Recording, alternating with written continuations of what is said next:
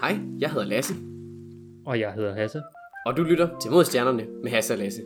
Det her er podcastet, hvor to rumnørder snakker om nyheder inden for rumfart, astronomi og alt derimellem. Så Hasse, hvad skal vi snakke om i dag? Jeg tænkte, vi kunne lægge ud med ja, en, øh, en ting, der er sket siden sidste afsnit. Det er, at øh, DART-missionen er blevet sendt op. Oh yes, hvad er det nu? Det er Double Asteroid Redirection Test? Test. ja, ja, ja, okay, lige okay, præcis. okay. ja. Ja, altså det er jo altså et godt navn til os, det den, det den skal. Det er altså meget passende. Det, er- det er fantastisk med de der backronyms der, det, det er vi glade for. det, er, ja, det er virkelig godt. Ja, det er fantastisk. Men øh, ja, det er jo altså en mission, der skal prøve at skubbe til ja, en lille asteroide, og så se, om det kan hvad man siger, ændre kursen på den her asteroide, som sådan et resultat af, at man, ja, de kommer til at banke den her øh, ja, satellit direkte ind i en asteroide, og så se, hvordan det gør. Okay, er det selve satellitten, de bare siger smack lige ind i, øh, i asteroiden, eller har de et, hvad skal man sige, et, øh, et projektil med, eller? Nej, det er øh, simpelthen øh, s- satellitten. Øh, så det er, ja, så det er sådan, ja. jeg modsat de andre, hvor de er, så de, vi har snakket om før, som har skudt øh, med noget et lille projektil ind, og så samlet materiale for eksempel, så er det her virkelig, skal vi ikke bare prøve at banke til den og se, hvad der sker med den? øh, det, det er lidt der, vi er ude i. Ja, okay. Det, er- det er jo ikke første gang, man har gjort noget lignende. Man har gjort noget med i samme stil med en, var det en komet, Temple One, tror jeg den hed. Det var øh, Deep Impact øh, missionen. Øh, ikke, ikke filmen, øh, men, Nej. men satellitmissionen. Der, der lavede de noget tilsvarende. Ja. Men ja, nu bliver det altså ja, en, en ny mission her fra NASA af, som skal ud til, ja, det er ud til Didymos og Dimorphos, som er ja, to asteroider i sådan et binært system. Så Didymos er sådan den, den største af de to, og så er det sådan nærmest, ja, nærmest Didymos lille måne, vil man måske næsten kalde det på en eller anden måde, som er den her lille Dimorphos, som, øh, som egentlig er det rigtige mål, den her lille, ja, lille asteroide Dimorphos. Og, og med ombord er også øh, Lycia Cube, det er italiensk, så jeg går ud fra, at de siger, Måske, ja. som er en, øh, en 6 units CubeSat, så altså sådan de her CubeSats er 10 x 10 x 10 cm, så har man lige klikket seks af dem sammen, og så har man en satellit, og den, øh, den skal altså med ud til, øh, til Didymorphos, eller Dimorphos, og så skal den øh, ja, tage, tage billeder af DART, når DART så, om sige, selve den her satellit flyver ind og støder ind i øh, Dimorphos. Ja, okay. Så det er sådan en lille, ja, kuffert størrelse, satellit, der så skal, skal med. Og så lige præcis. fra. Hmm, Og så er der øh, kamera ombord på den øh, på Lycia Cube til ligesom at ja, og filme og tage billeder af, af DART her, når den så støder ind i, i Dimorphos, og så ja, så kan man jo se, hvordan. Og så ideen er jo så, at den, den er lige blevet sat op her for et par dage siden, og så kommer de op i september næste år, så kommer de simpelthen frem til, til Didymos og Dimorphos.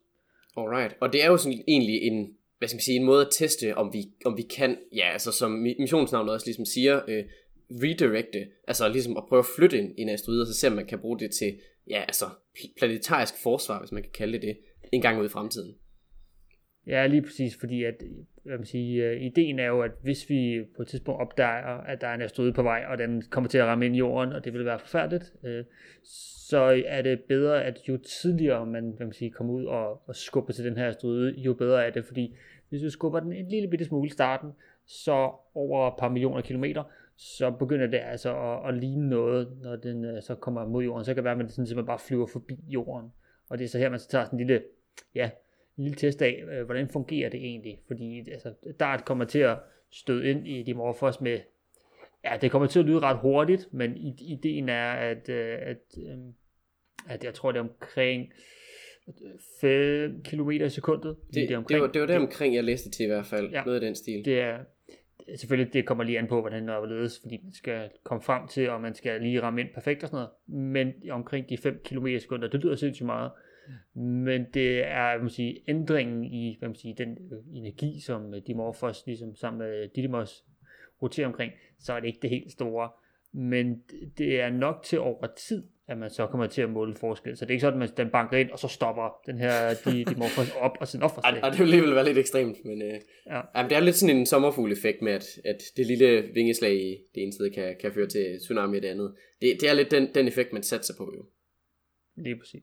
Og så, så er ideen jo så, at øh, i 27, så ja, om, ja, godt små fem år, så skal øh, Hera, som er en, øh, en ESA-mission, de skal ud til den her Didymos og Dimorphos, og så skal den ud og så observere og simpelthen måle på, hvordan er systemet nu. Så efter fem år kan man så se den her forskel, som, øh, som DART har lavet. Og det er jo, øh, ja, det bliver også en spændende mission, som jo bliver lavet sammen, i hvert fald en del af det bliver lavet sammen med, med GomSpace, som vi har her i Danmark. Ja, de, de skulle lave to små CubeSats til den, var det ikke sådan? Da, den ligesom også havde, havde CubeSat med sig ombord. Ja, det, det begynder lige stille at være sådan en ting, at man lige tager en CubeSat eller to med, når man skal lidt længere væk. Det kan man lige så godt. Det er jo bare lige en rejsekuffert ekstra. Det, det kan ja. man sagtens. Men der, der er så de to små CubeSats, Juventus og Milani. Man kan næsten gætte sig til, hvad for en to italienske byer, de er opkaldt efter. Men øh, ja, så er det så Juventus her, som er lavet sammen med Gomspace, så som øh, ja, skal, skal med ud. Og ja, ideen er faktisk, at Juventus, den her lille CubeSat, skal ja, den er beskrevet som, den skal lande på Dimorphos, øh, altså på den her lille måne, som der er stød ind i. Ja, er det ikke lidt en, øh, det, det, har man lidt prøvet med nogle af de der andre meget små, øh, ja, ikke engang planetariske øh, himmellemmer, sådan noget øh, Rosetta, der jo øh, havde lille, øh, hvad var det, den hed? Var det Phoebe, den hed? Phoebe?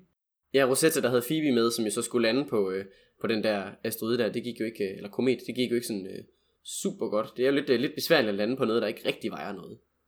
Ja, man de, de her ja, asteroider er jo typisk meget ja, porøse, er vist ordet. Altså, de, sådan, de, øh, de smuldrer nemt.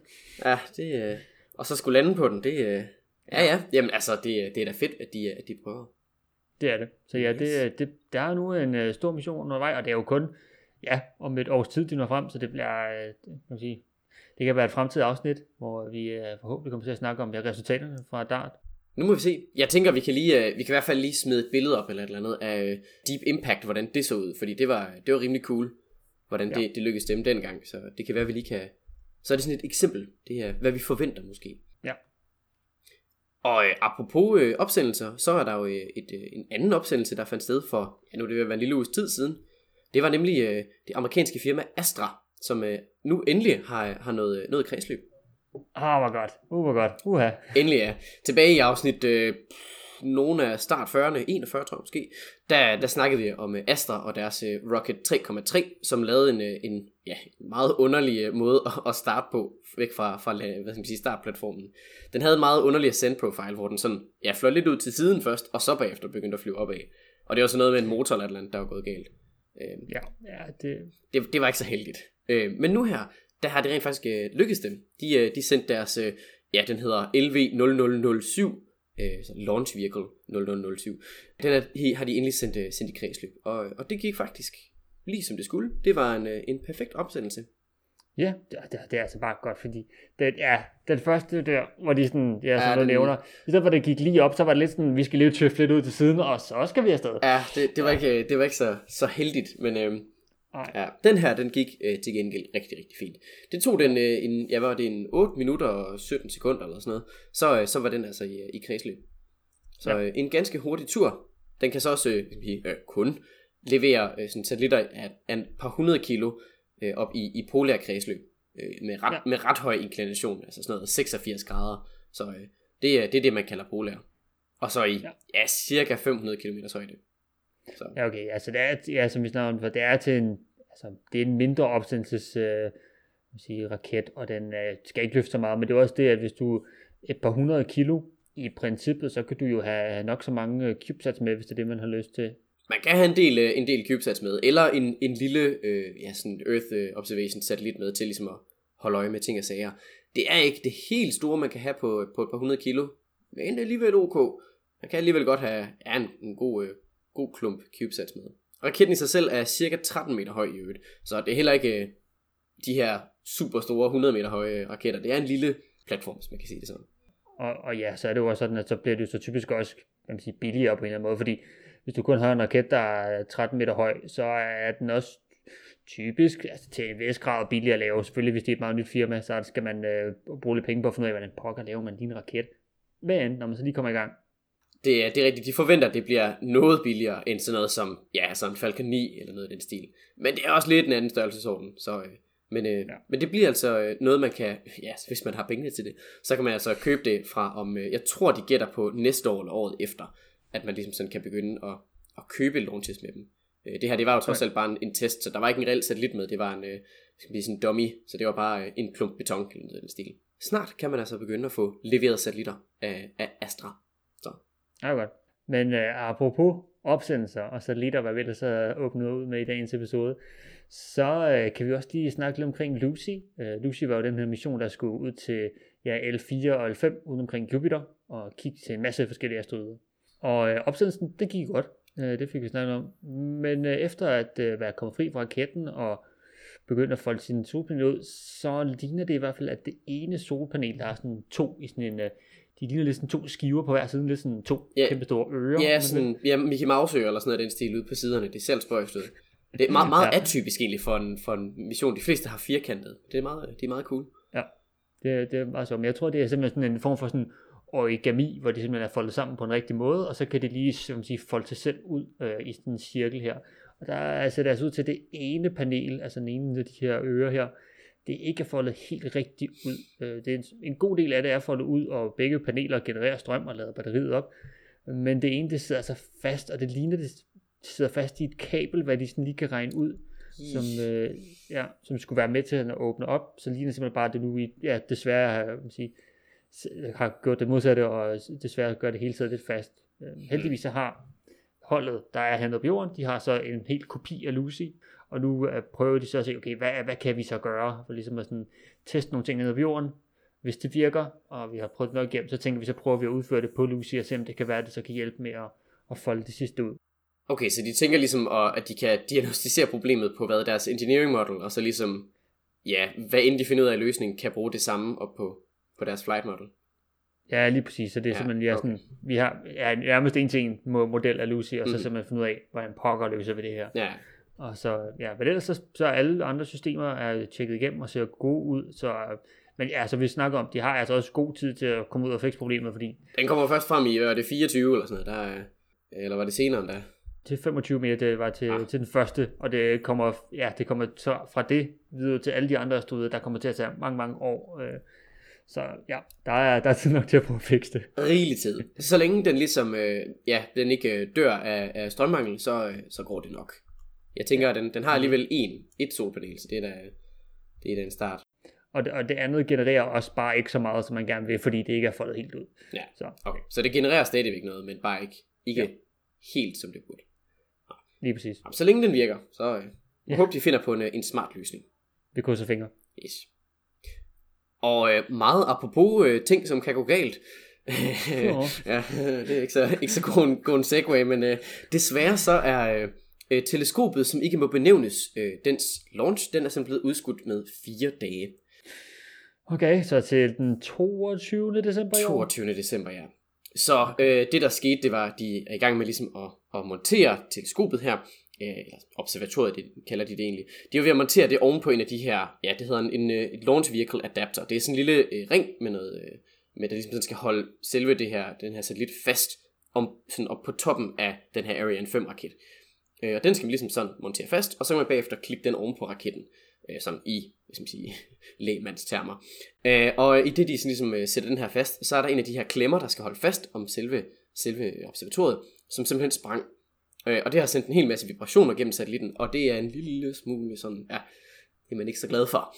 Øh, ja, så, øh, så de har simpelthen øh, udskudt opsendelsen med fire dage, så de har haft tid til ligesom at gennemgå hele muligheden. Alting er ligesom blevet tjekket, om der er nogen skader, om der er noget, der lige er blevet rystet øh, sammen på en måde, det ikke skal, eller et eller andet. Så alting bliver testet nu her. Det har de lige fire dage til, og så går de ellers øh, i gang og fortsætter, som de nu ligesom øh, havde planlagt det.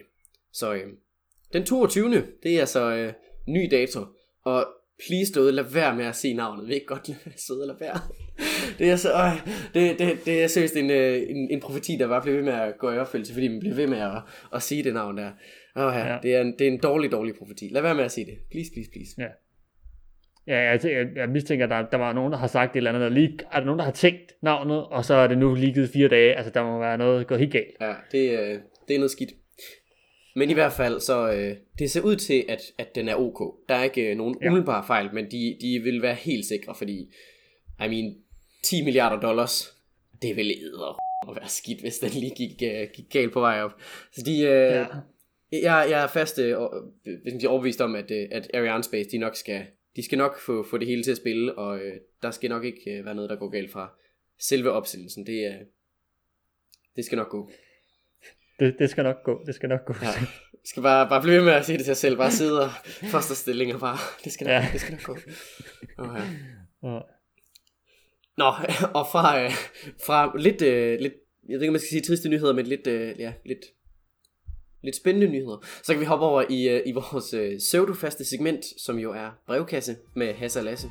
Vi har nemlig fået øh, to breve den her gang.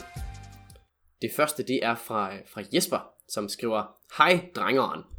Ville lige høre jeres ærlige mening om Spin Launch projektet. Virker som et rimelig kogt koncept.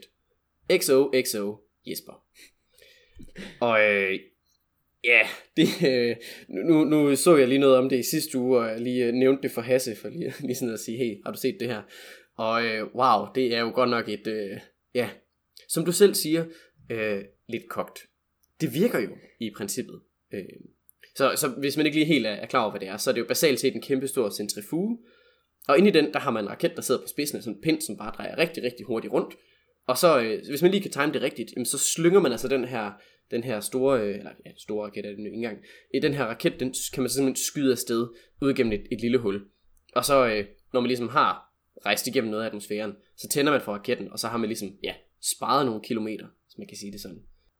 Ja, Ja, nu har de så lige øh, ideen af, nu, at øh, nyheden kom ud, det var fordi, at der var øh, deres lille prototype, som er, øh, sige, der er centrifugen 30 meter i diameter, så der er altså 30 meter fra den ene side til den anden side. Den her er nærmest en ja, lille tynde cylinder, om man vil. Øh, der fik de testet den, og det, øh, det, det fungerede. Altså det var ikke sådan, at øh, øh de fik øh, sendt noget i rummet eller noget, men det var bare mere at ideen med, at du kan slynge noget rundt meget, meget hurtigt, og så til sidst give slip, sådan at det kommer lige ud i den rigtige ende, og lige fup, flyver ud. Det, det fungerer i hvert fald i, i deres prototype her. Ja, det, det er jo lidt, øh, jeg, jeg tænker, de har vel, de har vakuum inde i den her centrifuge her, så der ligesom ikke er, ja. er jeg sige, luftmodstand. Øh, men i det du så sender raketten ud igennem øh, atmosfæren, så rammer den jo en hel masse luft, og øh, hvis den bevæger sig meget, meget hurtigt, så, øh, så kan den der raket altså blive vældig, vældig, vældig varm. Og det er måske sådan lidt, jeg ved ikke om det er så fornuftigt. Ja, det er også lidt det, altså fordi med jeg kan sige, en konventionel raket, en almindelig raket, når man vil, så starter man jo sådan normalt meget langsomt ud igennem den meget tykke del af atmosfæren, som er den, der er lavest. Og så når man ligesom kommer jeg sige, højere og højere op igennem atmosfæren, så, fordi man ligesom bare skubber mere og mere ud, og at man, ens raket bliver lettere og lettere, så kommer man hurtigere og hurtigere op. Her der starter du bare med max magt på, altså fra lige fra start af. Ja, det er bare fuldt smadret på til at starte med. Det, øh, ja, Ej, ja det, det, der, der er nok en spids der på den der raket, som bliver meget varm, og men rød glødende. Den skal lave sig noget specielt materiale, det er, uh, uha. Ja. Det, øh, det, det er et interessant koncept, og altså i, ja. i princippet kan det jo godt virke. Men jeg vil sige, der er, jeg tror også, der er bedre måder at gøre det på, end, end at kaste ud med jo basalt set en funky katapult. Altså. Ja. Jeg vil sige, jeg har set nogle meget sjove takes på det øh, inde på, på det der store brede internet. Der, der er jo et computerspil, der hedder Kerbal Space Program. Hvis folk ikke har set det, så er det altså vældig, vældig sjovt. Det er et spil, hvor man basalt set bare kan lave raketter, og så som sige, lave et rumprojekt og sådan noget. Øh, der er blandt andet nogen, der har lavet deres take på det her spin launch her. Og øh, det er nogle, nogle sjove idéer, folk har. Det, det skal man da gerne øh, sige. Det, øh, og det virker det jo også fint. Så altså, ja. det er nogle sjove ting, man kan prøve. Men ja, altså, i, i, ideen er jo, at i hvert fald den, den rigtige version skal være 100 meter i diameter, så tre gange så stor som den er nu, så det bliver jo altså også en kæmpe konstruktion. Ja, det skal jeg lov for. Ja, at holde under vakuum, og jeg skal, altså ja, igen, det virker til, at de har styr på timingen. Ja, det, det lyder godt nok dyrt, men det, øh, ja. ja, ja. Og så også en ting, jeg tænker på, det er, at i og med, at man bliver slynget rundt, der inde i raketten sidder jo ens satellit, det kan fx være en lille CubeSat, hvad det er. Det kommer jo altså også til at mærke nogle G-kræfter, der er noget høje, hvis du bliver slynget rundt. Den, den skal altså kunne holde til en del, sådan en, en satellit. Altså det skal det jo selvfølgelig i forvejen, når de bliver sendt op normalvis. Men, mm. men det er mere sådan, ja, rystelser. Her ved det er det jo, ja. hvis man siger, konstant øh, hvis man siger, øh, acceleration i en retning, hvor du bare bliver presset ja. ud mod kanten der. Så det, det kan være, at man, at man bygger nogle specielle, øh, nogle specielle CubeSats til det her. Det bliver da i hvert fald lidt, øh, lidt unikt. Ja. Det gør det i hvert fald. Jeg ved ikke helt, hvor, øh, hvor meget jeg tror på projektet. Det er sjovt, men det er også rimelig mærkeligt. Det, det er lidt underligt. Ja, altså ideen er, at der skal være en, en launch, altså opsendelse fra i 2024-2025. Ja. Hvis det går sådan, så vil jeg gerne se det, og jeg vil, øh, det vil være cool at opleve. Igen, jeg ved ikke, hvor meget det kommer til sådan at revolutionere vores øh, raketopsendelser, men jeg vil gerne se det, fordi det er et sjovt take på, hvordan man sender en raket i, rummet. Så øh, Ja, alt held og lykke. ja jamen bevares. Altså, de, øh, you go, det er mega sejt, at de kan, men øh, vi må jo se, om det kan svare sig. Det, det vil tiden vise, tror jeg. Helt klart. Så øh, tusind tak for din, øh, din mail, Jesper. Det var øh, et øh, super sjovt lille ja, sådan spørgsmål. Det er, Ja, det er nice og de er, det, er, det er noget sjovt på det her spil, Lund, så nu må vi se, hvordan det kommer til at være i fremtiden. Yes. Og øh, det andet brev, vi har fået i vores, øh, vores brevkasse, det er jo fra øh, Mathia Hilde, vores, øh, vores øh, trofaste lytter. Hun skriver, Hej Hasse og Lasse. I forhold til svar fra sidste episode. Jeg ved ikke hvorfor, men jeg havde forestillet mig Hubbles størrelse som noget i stil med 3x3 kvadratmeter. Jeg er lidt overrasket over, at den fylder en bus. Men også overrasket øh, over, at jeg er overrasket. Det giver jo god mening. Og ja, Hubble er kæmpestor. Men glæd, Ja. ja. glæd dig til det ubenævnelige teleskop. Det bliver større. Hun skriver videre. Anyway, jeg ved ikke vildt meget om magnetfelter, men jeg ved, at de skabes af bevægelserne inde i jordens flydende kerne. Det er derfor Mars ikke har et. Den er størknet. Men hvorfor skaber bevægelserne i kernen et magnetfelt? Kærlig hilsen, Mathia Hilde. Åh oh, ja, magnetfelter. Ja, okay. Du skulle, du skulle spørge mig til det. Du skulle spørge. Næste gang så spørger hun om, øh, om mørk energi eller et eller andet. Ja, Ah, ja. og hvordan det hænger sammen med magnetfelter. Nej. uh, ja, ja. Hvordan hænger kvantemekanik og tyngdekraft sammen? Ah, okay, um, ja, og forklar den. Uh, den tager du her, så gør du ikke? Øh, jeg, kan, jeg kan komme med sådan et, øh, et, et okay svar, men øh, vi er trods alt i et, format, der er en podcast, og det kan være lidt svært at prøve at forklare ting, der øh, handler om magnetfelter, når man ikke lige har en tegning eller en tavle eller et eller andet lige til at forklare. Men vi giver det et lille skud. Så, så ja, du har ret, at det er inde i øh, jordens flydende kerne. Det er en flydende kerne, som er meget, meget varm og består typisk af sådan en blanding af jern og nikkel, så to grundstoffer.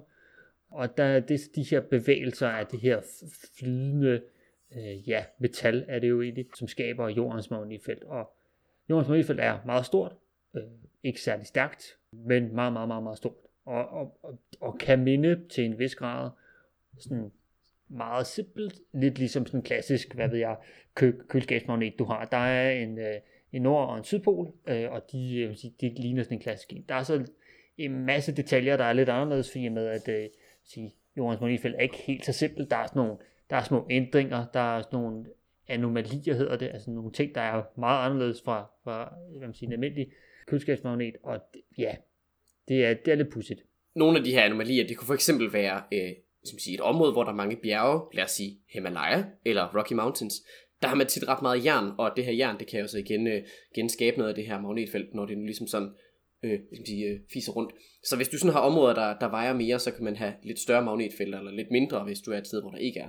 Så sådan, de her anomalier, det er altså ikke fordi, at øh, der er aliens eller sådan noget. Det er bare øh, afvielser fra øh, det perfekte, skal man sige, dipol magnetfelt. Ja, men måske lidt mere ind omkring, hvordan, hvordan fungerer det egentlig, Hasse? Hvad, Hmm. Hvordan er det lige, det fungerer? Så man har en meget god teori omkring, hvordan jorden skaber en magnetfelt. Så inde i kernen, der er det her flydende, ledende metal. Altså det, det kan lede elektricitet, jeg ved, det er metal. Og men det er meget varmt og meget flydende, så er der altså sådan en, en ledende kerne her. Og dens man sige, bevægelse, øh, i og med at det er, sådan, det er sådan, man kan tænke på, at lidt ligesom kogende vand, øh, at det sådan bobler rundt, i og med at der er noget, der, der bliver varmet lidt op inden fra sådan, den helt tætte, tætte kerne ind imod centrum, som er meget, meget, meget, meget varm, på grund af et meget, meget højt tryk.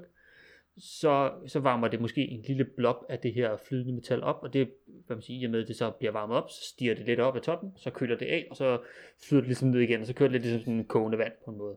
Det er sådan en, en okay beskrivelse af det.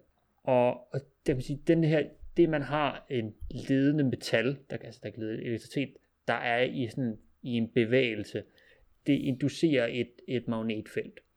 Og, og jeg tror ikke, vi skal gå så meget mere i dybden med det, fordi så går vi over i det, der hedder magnetohydrodynamics, som en blanding af magnetfelter, som er, ja, hvis man øh, kommer til at læse det på universitetet, så kommer man til at have Maxwells ligninger, det er alt, som beskriver magnetfelter, Og så har man fluiddynamik, så væskedynamik og sådan noget. Og der har vi Navier-Stokes-ligningen, som er en ligning, der ikke helt er løst endnu, fordi det kan man ikke rigtigt. Ja, den er, den er også uh, tricky, vil jeg sige. Ja. ja den er og så blander du de to ting, og så krydser du fingre for, at det går godt. Det, det, er, det er et af de sådan mest komplekse felter øh, i fysikken, vil jeg sige. Den er i hvert fald tricky. Det er, det er meget bøvlet. Ja. Der er nogle meget lange ligninger og en hel masse krydsprodukter. Og, øh, det er slet ikke sjovt.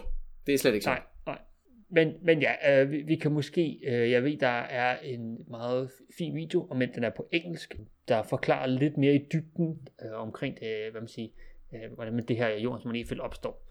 Og øh, jeg tror bare, vi kan måske linke den her i, øh, i noterne til vores øh, podcast her, så kan det være, at du kan se den, og det kan måske, der er, der er en professor, der forklarer med, med, med en tavle, så kan det være lidt nemmere at forklare, men det kan måske give dig lidt en idé, så du har lidt idé om, hvad det er, og så kan du se videoen, og så forstår du måske en anelse mere, og men det stadigvæk er Magneto Hydrodynamics. Det, øh, altså det, det er jo sådan noget, som, som selv når man har en grad i det, så er man lidt sådan, det, det er godt nok forvirrende det her. Altså sådan, ja, ja. Det, er, det, er, det er noget, noget forvirrende noget. Og der plejer vi bare at sige, magnetfelter, det er det der magi, som sådan, det foregår i baggrunden, og så, så skaber det nogle fede fænomener, som for eksempel nordlys og sådan noget.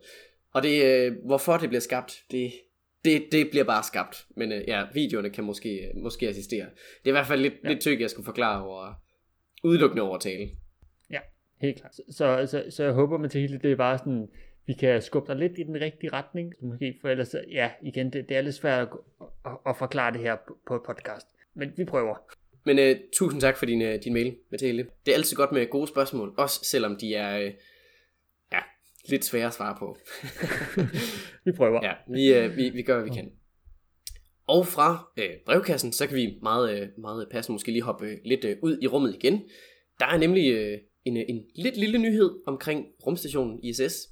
Den er jo blevet, øh, ja, skal man sige, opgraderet, hvis man kan sige det sådan. Ja, jeg så godt, der var, det var russerne igen, der har været ude og sende lidt op. Det er det nemlig. Russerne, de øh, her i sidste uge, tror jeg det var, der sendte de et øh, nyt modul afsted. Det hedder Prikal, eller ja, slagter det garanteret, men øh, Prikal. Det betyder øh, basalt set mole. Og øh, ja, det skal agere som sådan en slags øh, landingsbane, eller hvad man nu kalder det, til øh, den russiske del af rumstationen. Så øh, det, ja, jeg ved ikke rigtig, hvordan man skal beskrive det. Det er en stor klump, og øh, på den, der sidder ligesom sådan seks af de her tilkoblingsplader, øh, hvor man så ligesom kan, kan koble en, øh, en Soyuz-kapsel på. Det er basalt set bare en, en ny landingsplads, sådan i korte træk. Ja, det, er, det ligner lidt sådan en, ja, en lille rund kugle, hvor der er sådan en masse af de her øh, koblingsplads på, og så Ja, der, er, man kan selvfølgelig, det er, det er under tryk, så man kan, man kan godt lige komme ud i det, men det er ikke sådan, at der lige er kommet otte fede nye øh, sovepladser eller noget. Det er et meget lille modul, igen udelukkende for, at man kan have flere ting koblet på. Ja, det, øh, det er ikke så stort. Det vejer en, øh, en små 4 ton, så sådan ikke, ikke alverden. Det, det lyder jo meget, men altså sådan, det, det, den, er ikke, den er ikke sådan vanvittigt stor. Men der er lige, lige nye pladser til, at man kan, kan koble flere servicemoduler på. Øh, så der er ligesom plads til, at man kan, kan have lidt flere kapsler der. Om det så er, hvad skal man sige, for øh, at, at få mere mad ombord, eller øh, flere af de her ja, redningsbåde, man kan kalde det det, så, øh, så er det altså bare øh, flere pladser, så øh, man kan opgradere en smule. Nu må vi se, hvad det så bliver til. Men øh, det var bare lige øh, for lige at nævne, at øh, der altså foregår mere op øh, på rumstationen. Den er altså ikke øh, bare overladt til elementerne. Den bliver altså øh, skal sige, opgraderet lidt her til. Ja, der er kommet nye parkeringsmuligheder på. Øh. Lige præcis. De har opgraderet parkeringspladsen. Simpelthen. og øh, når vi nu alligevel er i rummet, så en, øh, en anden, også en lidt lille nyhed. Der er nemlig et, øh, et firma, der hedder ThrustMe. De har været i gang med at udvikle en ny type af motor. Ja. Så hvad for en slags? Det er et, øh, et iondrev. Så hvis man ikke lige helt ved, hvad det iondrev er, så er det basalt set en øh, effektiv motor, så hvor man øh, tager øh, partikler, det er tit sådan noget xenongas, så ioniserer man det, det er iondrev, og så skyder man det igennem et uh, elektrisk felt, og så ligesom blæser man det væk fra sig med enormt høj fart. Og, og på den måde kan man altså få sig en lille smule, ja, altså thrust en uh, smule tryk i, uh, i den anden retning. Og det firma her, de har så lavet en ny type, som ikke bruger xenon, men i stedet for bruger jod. Oh, okay, ja, fordi xenon er der den mest brugte øh, gas inden for de her jorddrev. Det, det er så vidt jeg har forstået den eneste, som man reelt bruger. Øh, og det, ja. Øh, det er mega fedt at have de her iondrev. De er super effektive. De er meget lidt sådan, øh, det er ikke fordi de giver et ordentligt kick, men de fungerer rigtig godt over lang tid. Men problemet med de her xenon iondrev, det er, at xenon er så meget sjælden i øh, hvad skal sige, vores atmosfære. Der er meget, meget lidt af det. Øh, jod derimod, det er der sindssygt meget af. Øh, så det kan vi bare øh, tage, altså man, vi har så meget af det, at vi propper det i vores salt. Så der er meget jod. Øh, og det er så ja. en smule bedre at bruge af. Øh, simpelthen fordi, at øh, du kan få næsten den samme effektivitet med det, men du kan simpelthen bare, altså du har bare meget mere af det tilgængeligt. Så det bliver ikke så dyrt. Okay. Yes. Ja, fordi ja, det, det er altså ret cool. De iondrev, ja, som du nævner, de er super effektive, men skubber ikke særlig meget til det. Det er lidt ligesom, øh, ja, det er ikke sådan en konventionel raketmotor, hvor der bliver ild ud af bagenden. Det er virkelig bare, øh, man sender partikler ud i den anden ende, og så skubber det meget, meget, meget lige stille til en. Men det over en lang periode, så er det netop det, det bliver super effektivt. Lige præcis. Det er lidt eller den der øh, skildpadden, der vinder over haren ved at, at komme langsomt afsted. Det, øh, det er helt enormt smart. Ja. I hvert fald det her firma her, ThrustMe, de har altså været i gang med at, at teste og, og hvad skal man sige, at, at få den til at, til at fungere ordentligt. Og øh, har så for nylig sat den ombord på en, øh, en lille CubeSat fra Kina. Den hedder, ja nu slagter jeg garanteret navnet igen, Beihang Kongxi 1. Ja, det må I selv vurdere. De har i hvert fald haft den her, den her lille motor ombord på den her CubeSat, vejer cirka 20 kilo. Øh, selve jorden vejer et kilo. Så øh, har, de, har de simpelthen okay. testet den. Øh, og, og der har de altså fået øh, formået at, at ændre på kredsløbet af den her CubeSat med cirka 2 km i, i højden. Og det lyder jo ikke af voldsomt meget, men i forhold til hvor meget øh, brændstof de har haft med, så er det altså ret fedt. Så øh, det, det er ligesom, at de har åbnet op for muligheden nu her for, at man ombord på de her ja, meget små satellitter, øh, der kan man simpelthen begynde at, at smække sådan en, øh, en lille motor på, så man kan, kan som man siger, styre sin satellit lidt mere, ændre kredsløbet, hvis man har lyst. Interessant. Ja, om, og ja, og men det nok ikke er tiltænkt til det, så tænker jeg umiddelbart også en mulighed, man kunne bruge. Det var i stedet for ja, at komme højere op, så er det også at komme længere ned. Så når man på et tidspunkt gerne vil ned igen, og ikke ende som rundskrot, så kunne det være meget smart, hvis man havde sådan en øh, smækket om bag i, så når man havde brug for det, så kunne man bare sige tænde den, og så kunne man lige så stille begynde at komme ned i, øh, i højden, og så ja, ikke være rumskot til alle andre. Lige præcis. Simpelthen det her med at kunne lave øh, ja, sådan, øh, station keeping, eller hvad man nu skal kalde det, ligesom kunne, kunne justere og sådan noget. Og netop også øh, ved, ved slutningen af missionen også kan fjerne sig selv, så man ikke øh, ligger i vejen for de andre. Det, øh, det er vældig, vældig snedigt, og øh, nu må vi se, hvor, hvordan det, øh, det udvikler sig. Men øh, de har i hvert fald nu testet den i rummet også, og den fungerer altså. Så øh, det er meget, meget lovende. Hvis man er lidt nørd, så måske holde lidt øje med de der Frost Me, se om det, øh, om det går dem godt. Og nu vi nu øh, snakker om de her, øh, de her nye motorer og raketter osv., så, videre, så kan man jo meget passende spørge, øh, Hasse, sker der noget over i SpaceX-hjørnet? Det plejer jo at gå ret vildt for sig. Der er sket lidt over i SpaceX-hjørnet. Ja, altså udover at der selvfølgelig lige var opsendelse med DART her, det, det var på en SpaceX-raket her, så går det fremad med, med Starship. Vi har jo SN20, den her, som skal bruges i den første opsendelse, som nu i hvert fald er sigter imod januar-februar næste år, så sådan, ja, om et par måneder. Ja, det lyder spændende. Ja, og den har nu fået monteret øh, seks motorer øh, under sig, og har nu fået fuldført sit første static fire test med alle seks motorer ombord. Uh, der har været, øh, været fart over feltet, har det ikke? Der har været tryk på, det må man sige. Og ideen er jo, altså de har static faktisk test, det er, at man se, spiller det hele, fungerer alle systemerne, øh, og det, det, tager typisk et par sekunder, så det, det er sådan, man tænder, dødt lidt, lidt, og så man slukker man igen, fordi det, man skal bare lige se, om det hele spiller. Og en af de ting, man også holder øje med, det er også, hvad man siger, de her vi har snakket om de her varmebeskyttende kakler, der sådan sidder på, på ydersiden af SN20 her, som jo skal bruges, når man skal ned igennem atmosfæren, så, øh, så skal man sørge for, at det ikke bliver for varmt på, på det metal, som har de her sådan nogle ja, sorte kakler, der sådan sidder på, på den ene af siden her. Det var lidt, lidt af de der, ja, på rumfærgen, den havde også de her kakler under neden. Lige præcis. Så man vil rigtig gerne have, at de bliver på, fordi hvis den lige falder af, så er det altså et hul ind, hvor der bliver, kan blive meget, meget, meget varmt. Så det er så også en af de her static tests, de kan vise, er der nogle af dem, der måske ikke sidder ordentligt fast, øh, er der, hvor linen ikke lige er blevet sat ordentligt på, eller øh, hvad man siger. Øh, ja, så det, det viser, og der var kun et enkelte øh, par kakler, der faldt af, men ud af hvor mange der er på den, altså de her kakler er meget små, og Starship er meget stor. Så øh, ja, det er nok sådan 99,9%, der har holdt fast. Øh, og så skal man simpelthen bare finde ud af, hvordan man lige sørger for, at det bliver 100. Og er det, er det, jeg skulle lige, det er ikke helt godt nok, er det, at få, altså hvis, hvis der lige, det er netop det der med, hvis der er et hul, så kan det altså blive uh, gevaldigt varmt lige der, og det kan jo uh, rive hele muligheden i smadret. Lige præcis. Så, men altså, bare det, at der var så mange, i princippet kunne det have været meget værre. Men det viser måske bare, at de stadigvæk har lidt at gøre endnu, men ja, at, øh, at de er meget godt øh, på, og nu skal simpelthen bare lige sørge for, at de, de sidste sidder øh, ordentligt fast, og så kan man ja, have sin 20 klar forhåbentlig en gang her til januar februar, og så bliver det jo en, en opsendelse, vi øh, nok sent glemmer forhåbentlig. Det håber vi på. Det, øh, det bliver jo øh, verdens største raket. Det gør det. Det bliver sjovt at se. Og med det, så tror jeg ikke, vi har så meget mere til jer den her gang. Så jeg vil bare sige tusind tak, fordi I lyttede med. Hvis I har ris, ros, ting vi skal snakke om, gode spørgsmål, fede billeder af asteroider eller raketopsendelser, så send det til os på en mail til modstjernerne gmail.com. Du kan selvfølgelig også øh, skrive dine spørgsmål til os ind på Instagram, hvor du selvfølgelig også kan følge os. Og husk selvfølgelig at følge os på din yndlingspodcast tjeneste. Vi snakkes ved næste gang.